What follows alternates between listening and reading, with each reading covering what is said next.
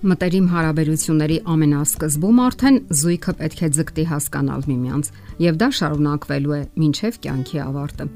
Այսպես շարունակվելու դեպքում միությունը դատապարտված է փլուզման կամ լավագույն դեպքում միապաղաղ միմյանց չընդունելու կամ մեկի գերիշխանության վրա հիմնված գոյատևման։ Նայեցեք ձեր շուրջը եւ կհամոզվեք դրանում Մեր շրջապատում շատ-շատ են այնպիսի զույգերը, որոնց երջանկությունը կամ գոնե ամուսնական բավարարվածությունը 7 սարերի հետևում է։ Ահա թե ինչու պետք է ձգտել հասկանալ միմյանց ծանոթության առաջին իսկ օրվանից։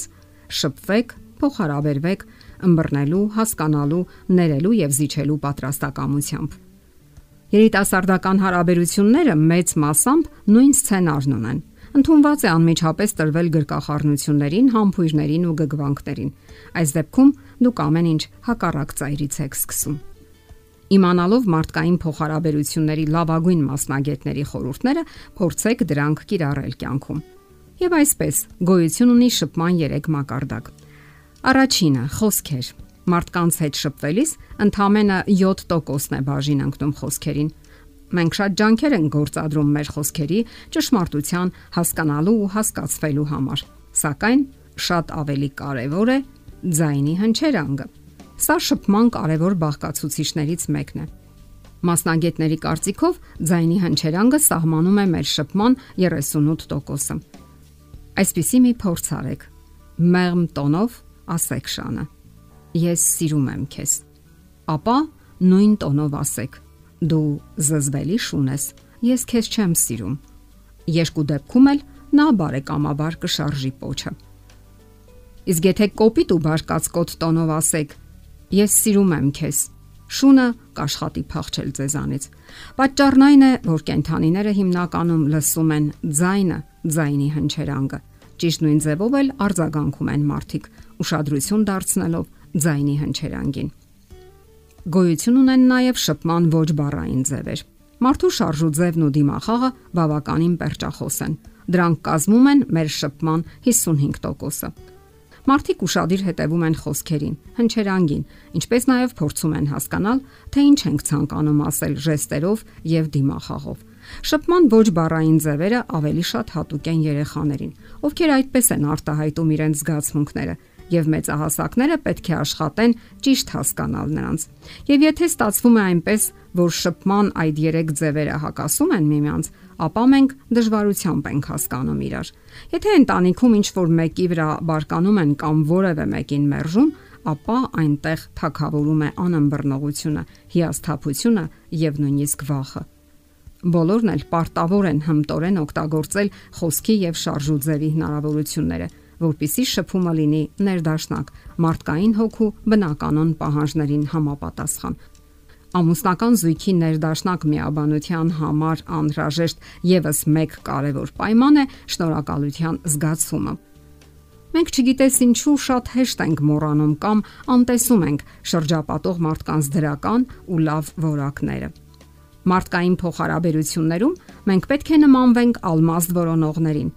որոնք փորում են հազարավոր տոննաներով հանքաքար ընդամենը մի քանի հրաշալի ալմաստ գտնելու համար։